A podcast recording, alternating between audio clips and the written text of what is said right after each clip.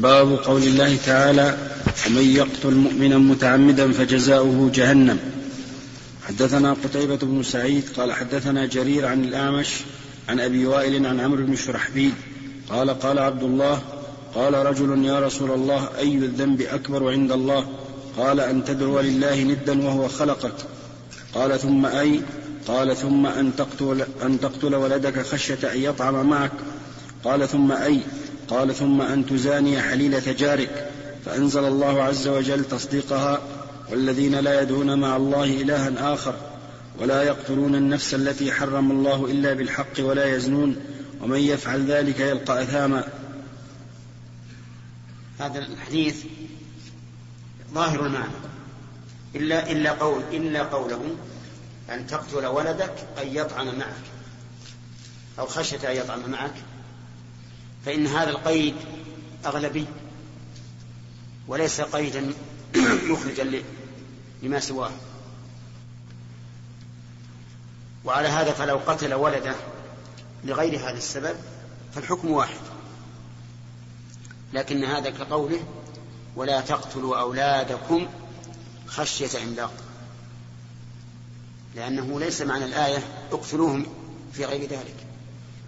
لكنه لما كان هذا هو الغالب عند الجاهليين ذكره الله عز وجل. نعم. طيب وقوله كتاب الديات؟ الديات جمع دية. وهي المال المدفوع للمجني عليه. في النفس فما دونه. هذه الدية. المال المدفوع للمجني عليه في النفس فما دونها. ثم قد تكون مقدرة وقد تكون غير مقدرة كما سيتبين إن شاء الله. نعم. حدثنا علي قال حدثنا إسحاق بن سعيد ابن عمرو بن سعيد بن العاص عن أبيه عن ابن عمر رضي الله عنهما قال قال رسول الله صلى الله عليه وسلم لن يزال المؤمن في فسحة من دينه ما لم يصب دما حراما. هذا تهديد شديد. أن الإنسان في فسحة من دينه يعني أن الله يحفظه به ويحفظه عليه ما لم يصب دما حراما. فإن أصاب دما حراما فهو على خطر عظيم. وعلى هذا يزول بعض الإشكال في قوله تعالى ومن يقتل مؤمنا متعمدا فجزاؤه جهنم خالدا فيها وغضب الله عليه ولعنه وأعد له عذابا عظيما. فإن هذا الذي قتل المؤمن متعمدا يخشى أن يسلب الإيمان كليا. ثم يكون هذا جزاء جزاءه. حدثني أحمد بن يعقوب قال حدثنا إسحاق بن سعيد قال سمعت أبي يحدث عن عبد الله بن عمر قال إن من ورطات الأمور التي لا مخرج لمن أوقع نفسه فيها سفك الدم الحرام بغير حله. نعم. حدثنا عبيد الله بن موسى عن الأعمش عن أبي وائل عن عبد الله بن مسعود قال قال النبي صلى الله عليه وسلم أول ما يقضى بين الناس في الدماء. نعم قول ابن عمر رضي الله عنه لا مخرج لمن أوقع نفسه فيها. هذا ليس على عموم والصواب أن له مخرج. وذلك بالتوبة وأداء ما يلزم من قصاص أو دية. فهذا مخرج. فيكون كلام ابن عمر هنا إما لأنه لا يرى قبول توبة القاتل وإما إنه من باب التحذير. وباب التحذير يصح فيه الإطلاقات بدون تقييد ويكون ويكون التقييد معلوما من نصوص أخرى. لأن باب التحذير ينبغي فيه الإتيان بأشد ما ما يحذر حتى يحذر الناس منه.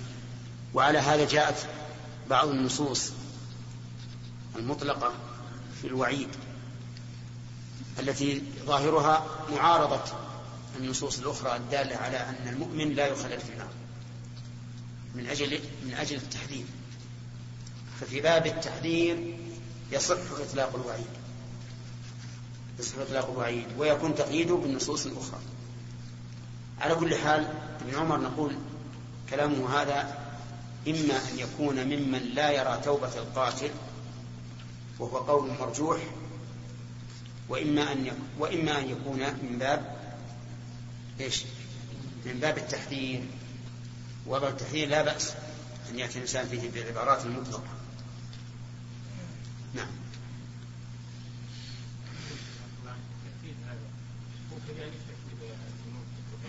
إيش؟ نعم. لا هذا هذا من ترتيب الجنس. في النفس أولا حق الله عز وجل ثم في الجناية على النفوس ثم في الجناية على الأعراض. نعم. حديث ابن مسعود. حديث ابن مسعود. كيف؟ حدثنا عبيد الله بن موسى عن الأعمش عن أبي وائل عن عبد الله بن مسعود قال قال النبي صلى الله عليه وسلم أول ما يقضى بين الناس في الدماء نعم هذا واضح في حقوق الله أول ما يحاسب عليه العبد الصلاة في حقوق الله. وفي حقوق الآدميين أول ما يقضى بين الناس في الدماء لأن الصلاة هي أوكد وأعظم الأعمال البدنية التي هي من حق الله. والدماء هي أعظم العدوان على الخلق. فيقضى بين الناس في الدماء قبل أن يقضى بينهم في الأموال. لأن الدماء هي أشد ما يكون في العدوان. نعم. حدثنا عبدان قال حدثنا عبد الله قال حدثنا يونس عن الزهري قال حدثنا عطاء بن يزيد أن عبيد الله بن عدي حدثه أن المقداد بن عمرو الكندي حليف بني زهرة حدثه وكان شهد بدرا مع النبي صلى الله عليه وسلم أنه قال يا رسول الله إن لقيت كافرا فاقتتلنا فضرب يدي بالسيف فقطعها ثم لاذ بشجرة وقال أسلمت نسخة إني لقيت.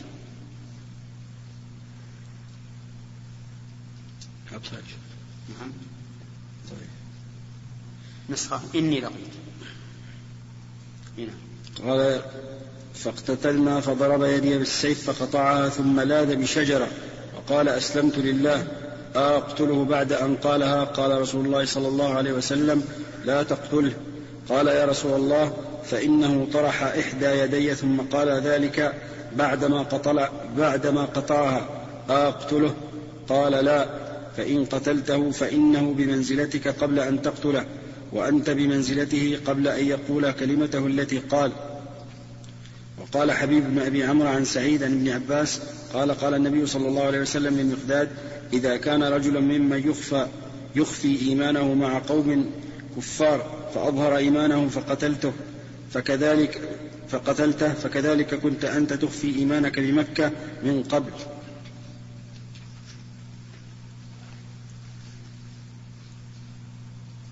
هذا أيضا فيه الوعيد على من قتل نفسا معصومة.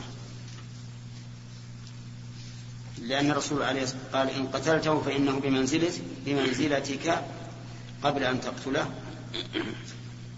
وأنت بمنزلته قبل أن يقول كلمته التي قالها.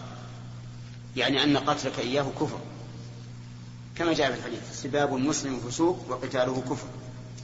فإن استحل قتل المسلم إن استحل قتل المسلم فهو كافر كفرا مخرجا عن الملة. الشيخ نعم. شيخ البيت الذي نستشهد به يا من ألوذ به فيما أمل وفيما أؤمله هنا لاذ بشجرة هذا الرجل. فيما فيما يحاذره. هنا اللياذ والعياذ يجوز بغير الله. فيما يقدر عليه. لا يا شيخ باللغة. نعم. يقول اللياذ فيما يؤمل والعياذ فيما يحاذر. يعني قصد يعني لاذ بغير الله قصد لا يا شيخ. نعم. هنا يا شيخ. هم ذكرنا نحن ذكرنا لما قرأنا هذا البيت قبل مدة وجيزة. قلنا الأصل أن الياء فيما يؤمل والعياذ فيما يحفظ وقد يتبادلان. قد يتبادلان نعم. الله أيهما يقدم في الحساب حق الله أو حق المخلوق يوم القيامة؟ يعني تقدم الصلاة حساب أو حق الله. الله من حق الله يقدم. ولهذا قيد أول ما يقضى بين الناس في الدماء. وفي الصلاة قال أول ما يحاسب عليه العبد صلاته ما يشهد لذلك قوله في, في الصلاة فإن صلحت صلح سائر يعني يبين هذا. فربما يبين. وفي احتمال يعني لكن نرى انه أن أول ما يحاسب عليها العبادات أول ما يحاسب عليها نعم. الله إيش معنى قول النبي عليه الصلاة والسلام للمقداد؟ إذا كان رجل من يخفي إيمانه مع قوم كفار ثم كذلك انت نعم. يعني معناها إذا كان رجل يخفي إيمانه مع قوم كفار خوفا على نفسه. فأظهر إيمانه فقتلته فهل تعد هذه جناية أو لا؟ يقول أنت كنت تخفي إيمانك لو قتلك أحد. في مكة لما كنت في إيمانك هل تعتقد هذه جناية؟ إذا هذه كيف تقتل هذا بعد أن أظهر إيمانه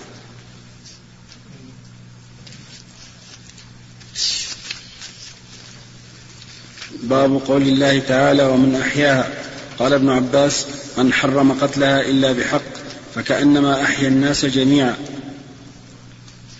حدثنا قبيصة قال حدثنا سفيان عن الأعمش عن عبد الله بن مرة عن مسوق عن عبد الله رضي الله عنه عن النبي صلى الله عليه وسلم أنه قال لا تقتل نفس إلا كان على ابن آدم الأول كفل منها. ابن آدم الأول من؟ قابيل الذي قتل هابيل وقتله حسدا لأن هابيل تقرب إلى الله عز وجل بقربان فقبل منه وقابيل لم يقبل منه فقال لا أقتلنك كأنه يقول لماذا يتقبل الله منك دوني فقال له إنما يتقبل الله من المتقين وليس قصده أن يتعلى على أخيه بأنه متقي وأخوه معتدي ولكن المر... ولكن المقصود من هذا حثه على أن يتقي الله. من أجل أن يتقبل منه. كل من قتل نفسا بغير حق كان على قابيل كفل ونصيب من عذابها والعياذ بالله. لأنه أول من سن القتل. وهكذا كل من سن جريمة في الإسلام. واتبعه الناس عليها فإن عليه من كل عمل واحد وزر. نسأل الله العافية. وفي هذا دليل على أن الإنسان قد يكون إماما في الشر. وهو كذلك. قال الله تعالى وجعلناهم أئمة يدعون إلى النار. وقال في فرعون يقدم قومه يوم القيامة فأوردهم النار. فهو إمامهم في الدنيا وإمامهم في الآخرة. نعم.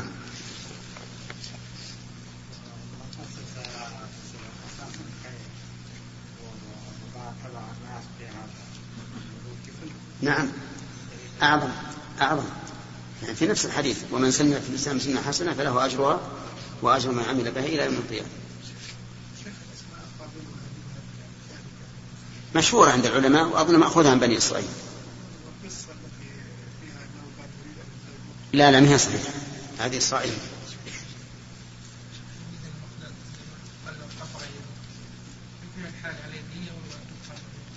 نعم. الظاهر لي أن, إن, إن النسخة اللي عندنا أصح من إني. ها؟ إيش؟ اللي عندي إن لقيتك. فهذا يدل على المسألة فرضية. فرضا. إيه؟ لا ما ما ما يضمن. لأن الكفار لا يضمنون ما فعلوا ما فعلوا بالمسلمين والمسلمون لا يضمنون ما فعلوا بالكفار. نعم. حدثنا محمد بن بشار حدثنا أبو الوليد قال حدثنا هو أشار إلى ضعف الثانية إني لقيت. ها؟ ها؟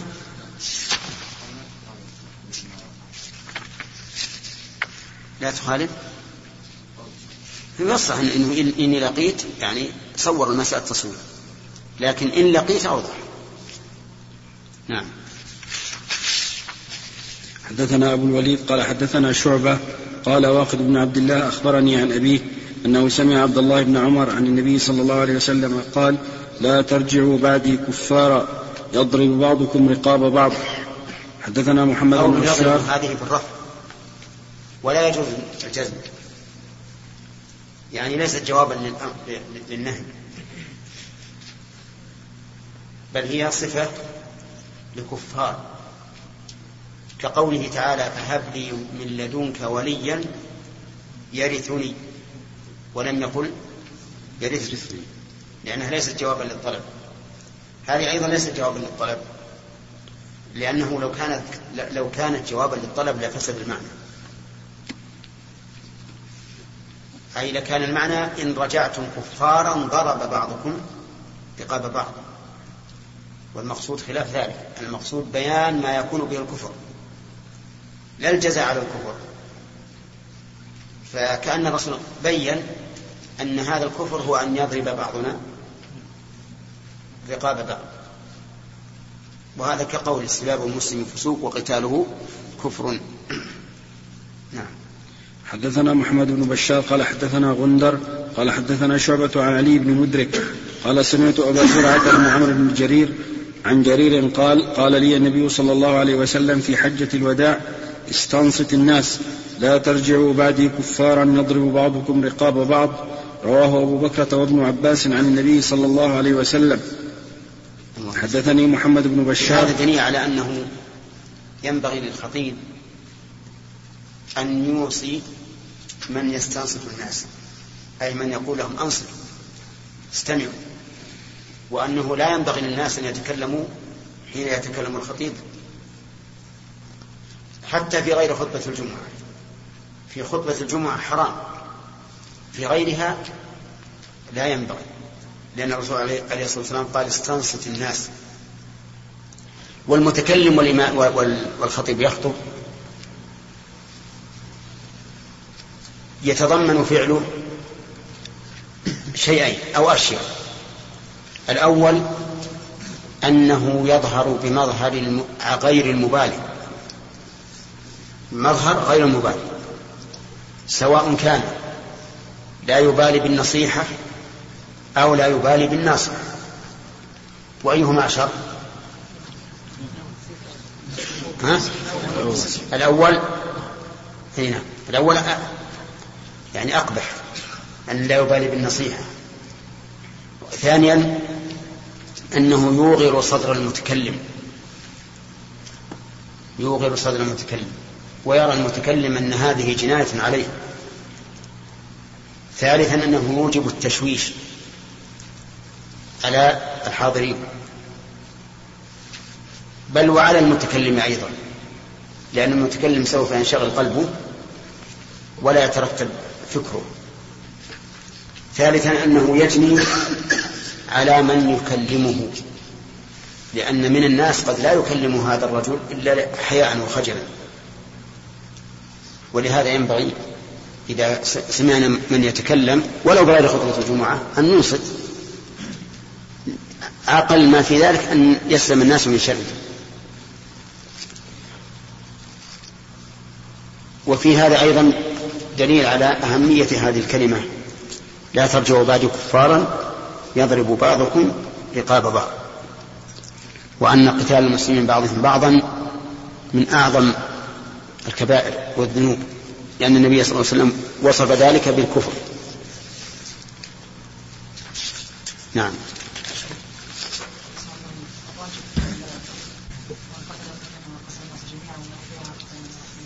نعم.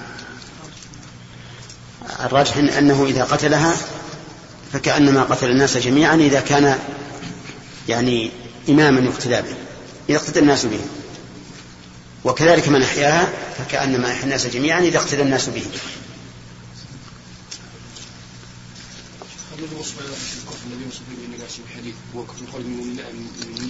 لا لا غير مخشى منه. غير مخشى منه. نعم. ان ينصت ويستمع المتكلم أي نعم يجاوب وهل المتكلم مثل الرسول شيء ينصت له إيه؟ وكثيرا ما يقع في هذه في كم يعني نعم نعم نعم. نقول إذا كان ليس مثل الرسول وهو, وهو ليس مثل الرسول عليه الصلاة والسلام. فقل لا تشوش على الناس. لا نقول اجلس نقول قم لأن هذا يؤذي. وقد توعد الله من يؤذي من يؤذون المؤمنين بغير ما اكتسبوا. لأنهم احتملوا بهتانا وإثما مبين. نعم؟ إي نعم نعم صحيح. لأن هذا هذا المتكلم قد يتكلم بباطل. هو مثل الرسول عليه الصلاة والسلام. إنما نقول له إذا كنت لا ترى هذا ولا ترى أنك تنصت لكلامه على الأقل دع الناس يسلمون من شر. بعض الناس يعني إذا فعلت فعل ثم اعتقدت فعل الرسول قال هل انت هذا غلط هذا مجادل. إذا كان فعله هو فعل الرسول فهو حجة. مو علشان أني فعلته علشان الرسول فعل. لكن القول قول محدث يحدث الإنسان ما شاء يتكلم بما شاء قد يتكلم بخطأ. هنا. حدثني محمد بن بشار قال حدثنا محمد بن جعفر قال حدثنا شعبة عن فراس عن الشعبي عن عبد الله بن عمرو عن النبي صلى الله عليه وسلم أنه قال الكبائر الإشراك بالله وعقوق الوالدين. أو قال اليمين الغموس شك شعبة. وقال معاذ حدثنا شعبة قال الكبائر الإشراك بالله واليمين الغموس وعقوق الوالدين. أو قال وقتل النفس. حدثنا إسحاق بن منصور قال حدثنا عبد الصمد قال حدثنا شعبة قال حدثنا عبيد الله بن أبي بكر أنه سمع أنس رضي الله عنه عن النبي صلى الله عليه وسلم قال الكبائر. وحدثنا عمرو قال حدثنا شعبة عن ابن أبي بكر عن أنس بن مالك عن النبي صلى الله عليه وسلم قال أكبر الكبائر الإشراك بالله وقتل النفس وعقوق الوالدين وقول الزور أو قال وشهادة الزور. كل هذا واضح. الإشراك بالله حقوق الوالدين يعني قطع حقوقهما اليمين الغموس اليمين الغموس اختلف العلماء فيها. هل هي كل يمين كاذبة؟ أو هي اليمين التي يقتطع بها الرجل مال امرئ مسلم؟ أو يعتدي على حق امرئ مسلم؟ والثاني أصح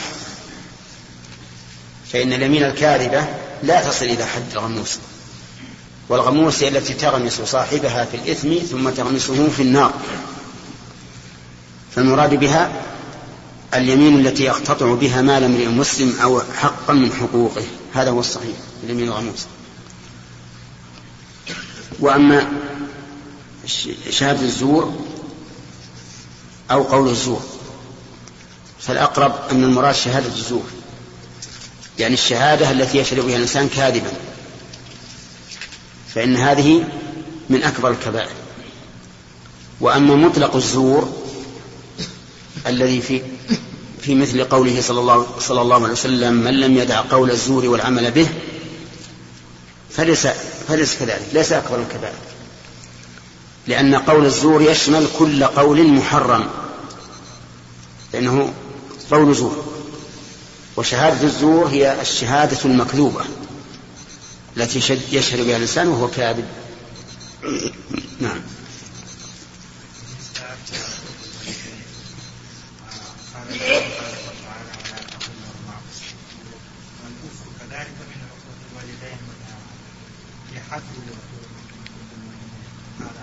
إي نعم. حقوق الوالدين أن يقطع الإنسان حقوقهما الواجبة.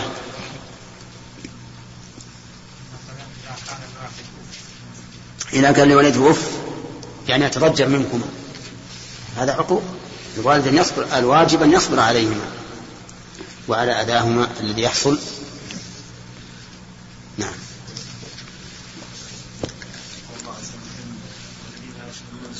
نعم. المحرم. لا لا عامة الآن. نعم. نعم. حدثنا عمرو بن زرارة قال حدثنا هشيم قال حدثنا حسين قال حدثنا أبو ظبيان قال سمعت أسامة بن زيد بن حارثة رضي الله عنهما يحدث قال بعثنا رسول الله صلى الله عليه وسلم إلى الحرقة من جهينة قال فصبحنا القوم فهزمناهم قال ولحقت أنا ورجل, ورجل من الأنصار رجلا منهم قال فلما غشيناه قال لا إله إلا الله قال فكف عنه الأنصاري فطعنته برمحي حتى قتلته. قال فلما قدمنا بلغ ذلك النبي صلى الله عليه وسلم قال فقال لي يا أسامة أقتلته بعدما قال لا إله إلا الله؟ قال قلت يا رسول الله إنه إنما كان متعوذا قال قتلته بعدما قال لا إله إلا الله. قال فما زال يكررها علي حتى تمنيت أني لم أكن أسلمت قبل ذلك اليوم. الله أكبر. هذا مع أن أسامة رضي الله عنه من أقرب الصحابة إلى الرسول صلى الله عليه وسلم فهو حب الرسول وابن حبه أي حبيبه وابن حبيبه. ومع ذلك لم تأخذه صلى الله عليه وسلم في الله لومة لائم. قام يكر عليه لقتلته بعدما قال لا إله إلا الله. يقول حتى تمنيت أنني لم أكن أسلمت قبل ذلك اليوم. لماذا؟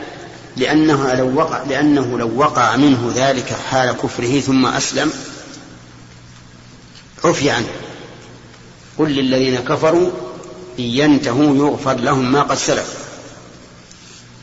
ففي هذا دليل على أنه يجب علينا أن نأخذ الناس بظواهرهم وأن من شهد أن لا إله إلا الله حرم قتله.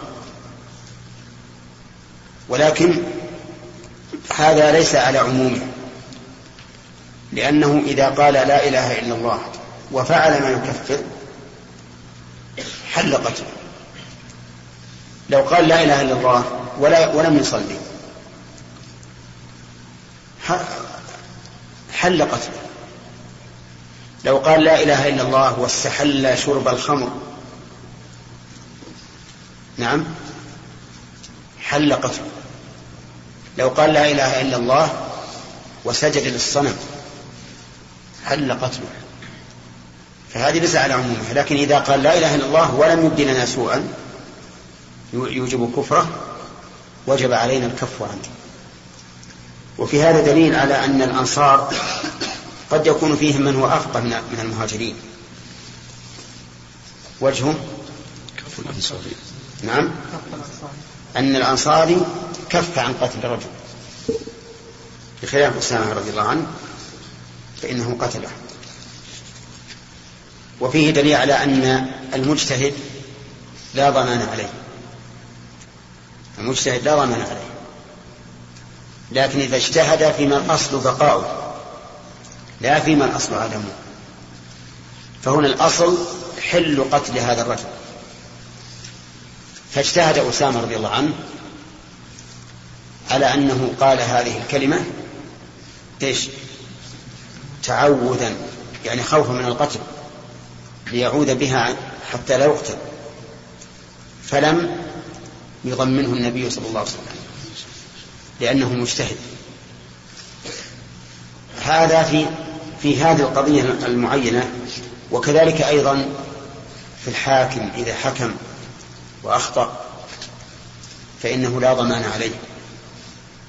وكذلك في ولي اليتيم إذا تصرف في ماله على أنه هو الأحسن ثم تبين خطأه فإنه لا ضمان عليه.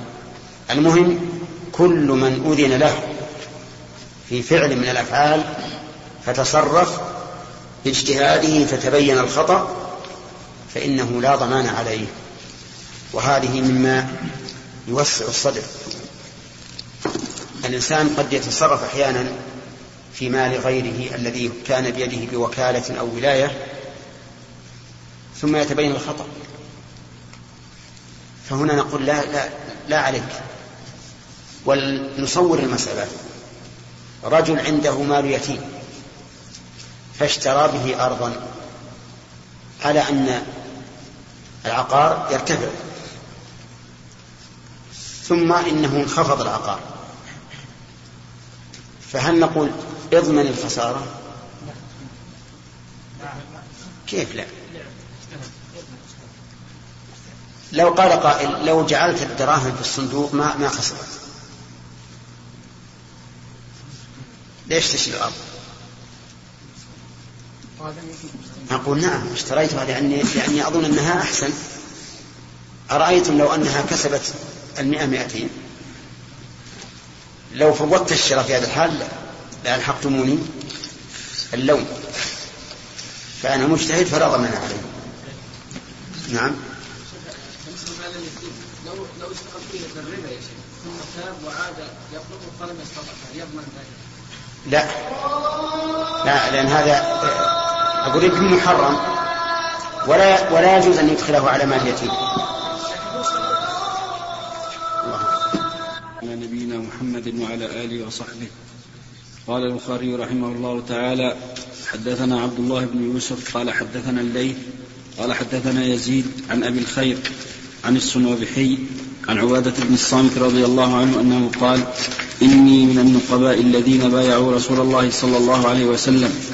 بايعناه على ألا نشرك بالله شيئا ولا نسرق ولا نزني ولا نقتل النفس التي حرم الله ولا ننتهب ولا نعصي بالجنة. إن فعلنا ذلك فإن غشينا من ذلك شيئا كان قضاء ذلك إلى الله.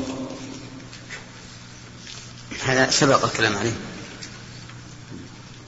الشاهد منه قوله ولا نقتل النفس التي حرم الله. وقد جاءت الروايات الكثيرة بالاستثناء وهو قوله إلا بالحق. والحق إذا ثبت فإن العصمة التي كانت قبل وجود الحق المبيت بالدم ترتفع نعم لكن الشيخ وش معناه؟ قوله إن فعلنا ذلك.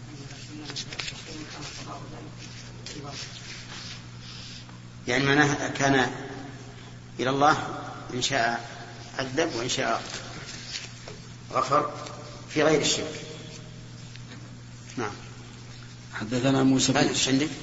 كان ولا نعصي بالجنة إيش؟ ولا نعصي بالجنة وش معناها؟ آه بالجنة هذه متعلق ببايعنه آه، بايعناه بالجنة يعني على الجنة نعم حدثنا موسى بن إسماعيل قال حدثنا جويري عن نافع عن عبد الله بن عمر رضي الله عنه عن وكأن وكأن هذا اللفظ الذي في هذا السياق كأنه لم يكن محفوظا تماما لأن الحديث ورد في نفس البخاري على غير هذا الوجه على وجه أبين وأوضح. نعم. حدثنا موسى بن إسماعيل ح- قال حدثنا جويرية عن نافع عن عبد الله بن عمر رضي الله عنه عن النبي صلى الله عليه وسلم أنه قال من حمل علينا السلاح فليس منا. رواه أبو موسى عن النبي صلى الله عليه وسلم. من حمل علينا السلاح يعني للقتال أو للقتل وهو أشد. فليس منا أي في هذا العمل. وإن كان لا يخرج من الإسلام على القول الصحيح أن فاعل الكبيرة لا يخرج من الإيمان. ولكن ليس منا فيما عمل في هذه الخصلة. قال أهل العلم وإذا أطلق الشارع البراءة من الشخص فهو دليل على أن هذا العمل من كبائر الذنوب. وهو كذلك لأن البراءة منه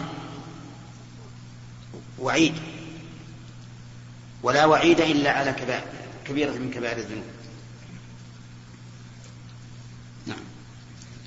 حدثنا عبد الرحمن بن المبارك قال حدثنا حماد بن زيد قال حدثنا أيوب ويونس عن الحسن عن الأحنف بن قيس قال ذهبت لأنصر هذا الرجل فلقيني أبو بكر فقال أين تريد؟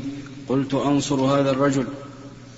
قال ارجع فإني سمعت رسول الله صلى الله عليه وسلم يقول إذا التقى المسلمان بسيفيهما فالقاتل والمقتول في النار. قلت يا رسول الله هذا القاتل فما بال المقتول؟ قال إنه كان حريصا على قتل صاحبه. المبهم من؟ الرجل المبهم. نعم.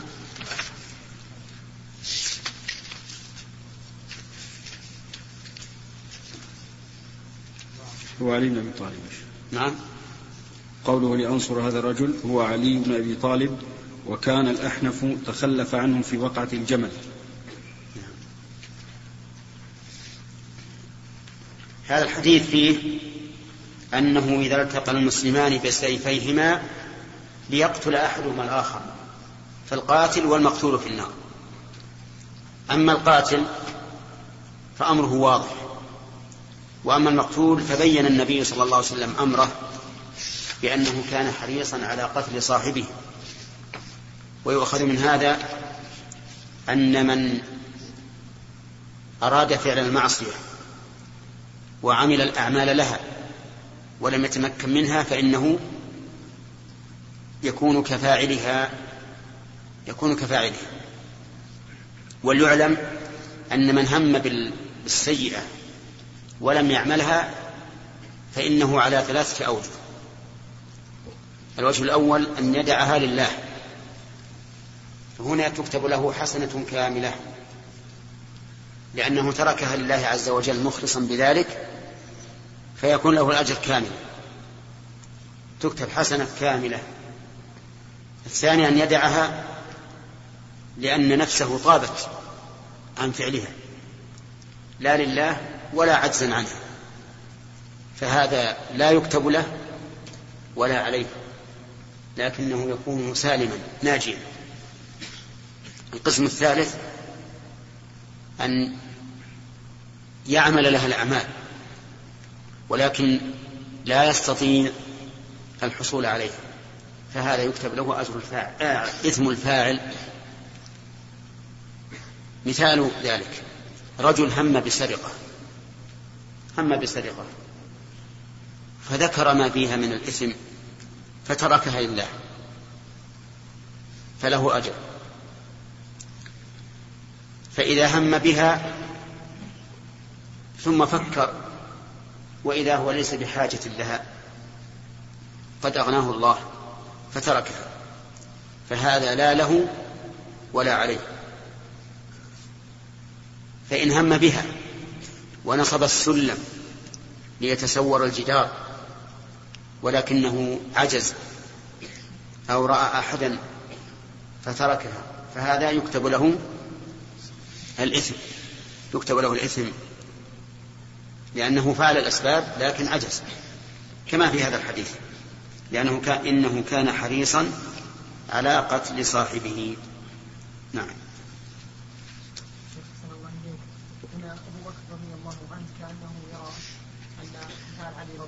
أبو بكر كان يرى أن قتال علي رضي الله عنه في حادثة الجمل من هالباب يعني إذا التقى المسلمان بسيفهم فالقاتل المقتول بالنار استدلاله صحيح. هذا رأيه. هذا رأيه لأن أبا بكر وكثير من الصحابة تخلفوا عن هذا وتركوا الفتنة ولا شك أنها فتنة. وقعت الجمل والصفين كل هذه من الفتن التي جرت بين الصحابة والتي كان موقف أهل السنة والجماعة منها السكوت عما شجر بينهم. نعم.